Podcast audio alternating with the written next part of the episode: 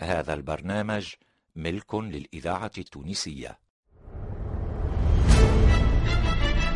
اعتبروا يا أولي الأبصار. اعتبروا يا أولي الأبصار. اعتبروا يا أولي الأبصار. عبر من الماضي جمعها لكم. فرج العبيدي وأخرجها. رضا عزيز.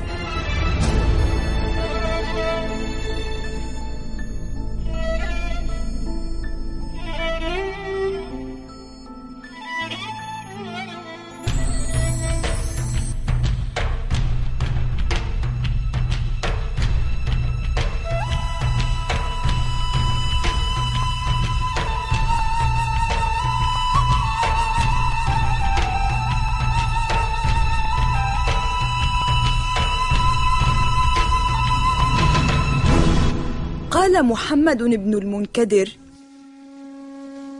كانت لي سارية في مسجد رسول الله صلى الله عليه وسلم. أجلس أصلي إليها بالليل. فقحط أهل المدينة سنة فخرجوا يستسقون فلم يسقوا. فلما كان من الليل صليت عشاء الآخرة في مسجد رسول الله ثم جئت فتساندت إلى ساريتي. فجاء رجل أسود تعلوه صفرة متزر بكساء وعلى رقبته كساء فتقدم إلى السارية التي بين يدي وكنت خلفه. فقام فصلى ركعتين ثم جلس فقال أي رب خرج أهل حرم نبيك يستسقون فلم تسقهم فأنا أقسم عليك لما سقيتهم. فقلت مجنون. فما وضع يده حتى سمعت الرعد ثم جادت السماء بشيء من المطر أهمني الرجوع إلى أهلي. فلما سمع المطر حمد الله بمحامد لم أسمع بمثلها قط. ثم قال ومن أنا؟ وما أنا حيث استجبت لي ولكن عزت بحمدك وعزت بطولك. ثم قام فتوشح بكسائه الذي كان متزرا به وألقى الكساء الآخر الذي كان على ظهره في رجليه.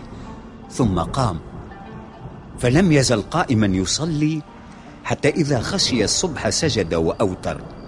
وصلى ركعتي الصبح. ثم أقيمت صلاة الصبح فدخل في الصلاة مع الناس ودخلت معه. فلما سلم الإمام قام فخرج وخرجت خلفه حتى انتهى إلى باب المسجد. فخرج يرفع ثوبه ويخوض الماء. فخرجت خلفه رافعا ثوبي أخوض الماء فلم ادر أين ذهب.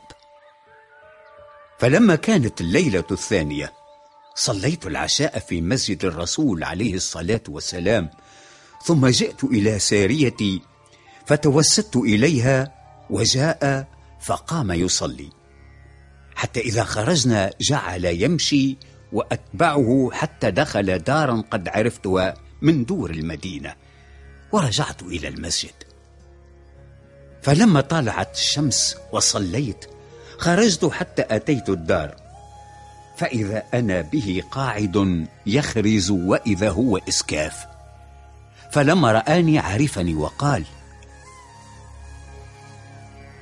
أبا عبد الله مرحبا. ألك حاجة؟ أه، تريد أن أعمل لك خفا؟ لست صاحبي بارحة الأولى. ابن المنكدر ما أنت وذاك؟ وغضب. فقلت أخرج من عنده الآن. فلما كان في الليلة الثالثة صليت العشاء الآخرة ثم أتيت ساريتي فتساندت إليها فلم يجئ. فقلت إن لله ما صنعت.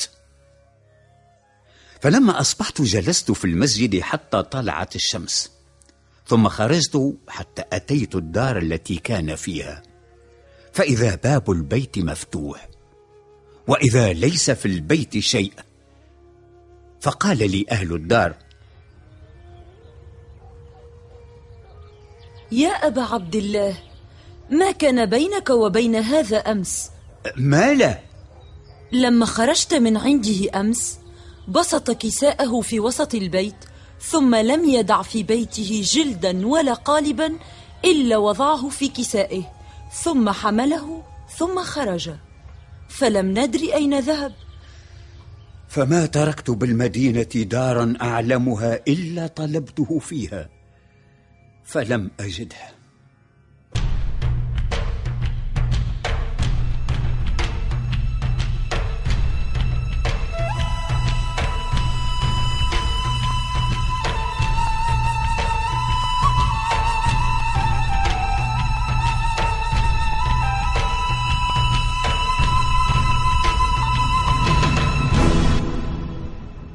لما تم فتح سمرقند على يد القائد العظيم قتيبة بن مسلم نصبت محاكمة طرفاها كاهن سمرقند والقائد قتيبة.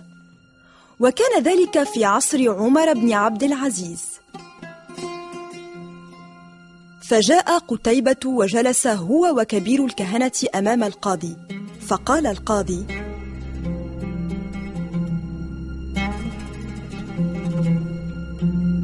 ما دعواك يا سمرقندي؟ اجتاحنا قتيبة بجيشه ولم يدعنا إلى الإسلام ويمهلنا حتى ننظر في أمرنا. وما تقول في هذا يا قتيبة؟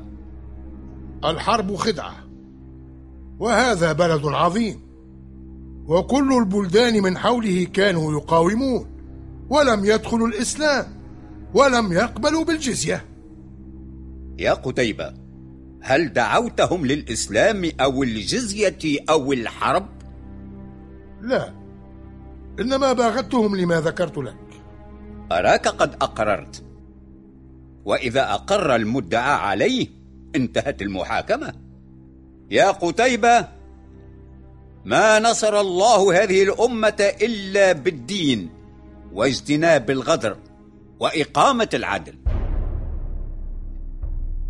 قضينا بإخراج جميع المسلمين من أرض سمرقند من حكام وجيوش ورجال وأطفال ونساء. وأن تترك الدكاكين والدور وأن لا يبقى في سمرقند أحد على أن ينذرهم المسلمون بعد ذلك.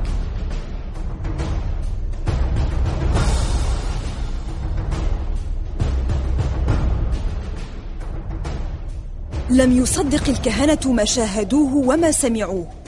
فلا شهود ولا أدلة ولم تدم المحاكمة إلا دقائق معدودة.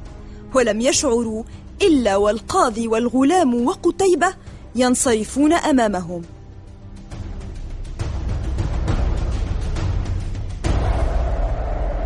وبعد ساعات قليلة سمع أهل سمرقند بجلبة تعلو وأصوات ترتفع وغبار يعم الجوانب ورايات تلوح خلال الغبار.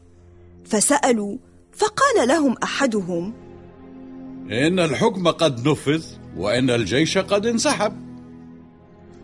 وما إن غربت شمس ذلك اليوم إلا والكلاب ترتع بطرق. سمرقند الخالية الذاكرة الحية. وصوت بكاء يسمع في كل بيت على خروج تلك الأمة العادلة الرحيمة من بلدهم.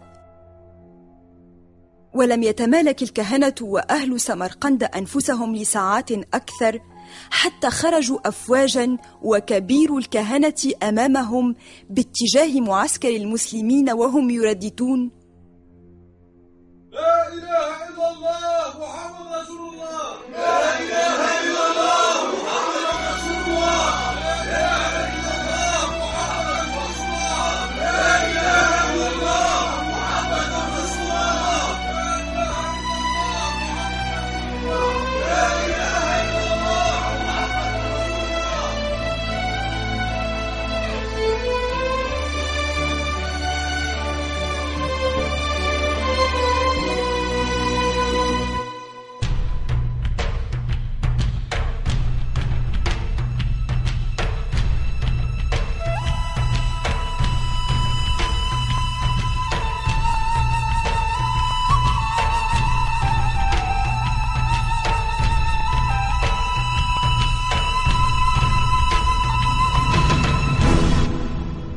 كان بمكة رجل من العباد.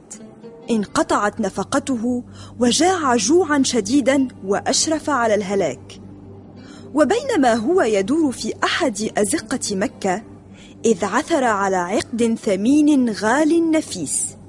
فأخذه في كمه وذهب إلى الحرم. وإذا برجل ينشد ذلك العقد فوصفه له فما أخطأ من صفته شيئا. فدفع له العقد على أن يعطيه شيئا. فقال عجبا لقد أخذ العقد وذهب لا يلوي على شيء وما سلمني درهما ولا نقيرا ولا قطميرا. اللهم إني تركت هذا لك فعوضني خيرا منه. ثم ركب جهة البحر فذهب بقارب فهبت ريح هوجاء وتصدع القارب. وركب الرجل على خشبة وأصبح على سطح الماء تلعب به الريح يمنة ويسرة حتى ألقته إلى جزيرة ونزل بها. ووجد بها مسجدا وقوما يصلون فصلى. ثم وجد أوراقا من المصحف فأخذ يقرأ. فقال له أحد أهل تلك الجزيرة. إنك تقرأ القرآن. نعم. علم أبناءنا القرآن ولك أ- أتحسن الكتابة؟ نعم. أحسن القراءة والكتابة. إذا علم أبناءنا الخط ولك منا أجرة على ذلك. أنت منذ اليوم واحد منا. وستنفع أبناءنا بإذن الله إن هنا بنتا يتيمة كانت لرجل منا فيه خير وتوفي عنها فهل لك أن تتزوجها؟ لا بأس فتزوجها ودخل بها فوجد العقد ذلك بعينه في عنقها ما قصة هذا العقد؟ هذا عقد عزيز على أبي فلقد أضاعه في مكة ذات يوم فوجده رجل فسلمه إليه فكان أبي رحمه الله يدعو في سجوده أن يرزقني زوجا كذاك الرجل.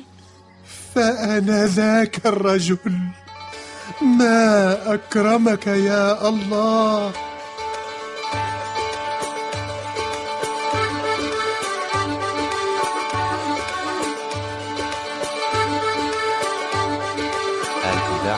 التونسية فدخل عليه العقد بالحلال. لأنه ترك شيئا لله فعوضه الله خيرا منه.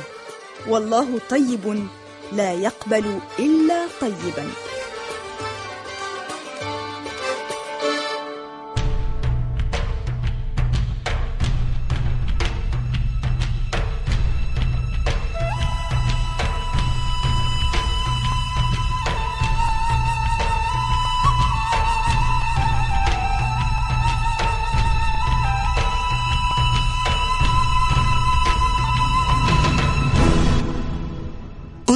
إلى ما قد مضى ودع انسياعك للهوى.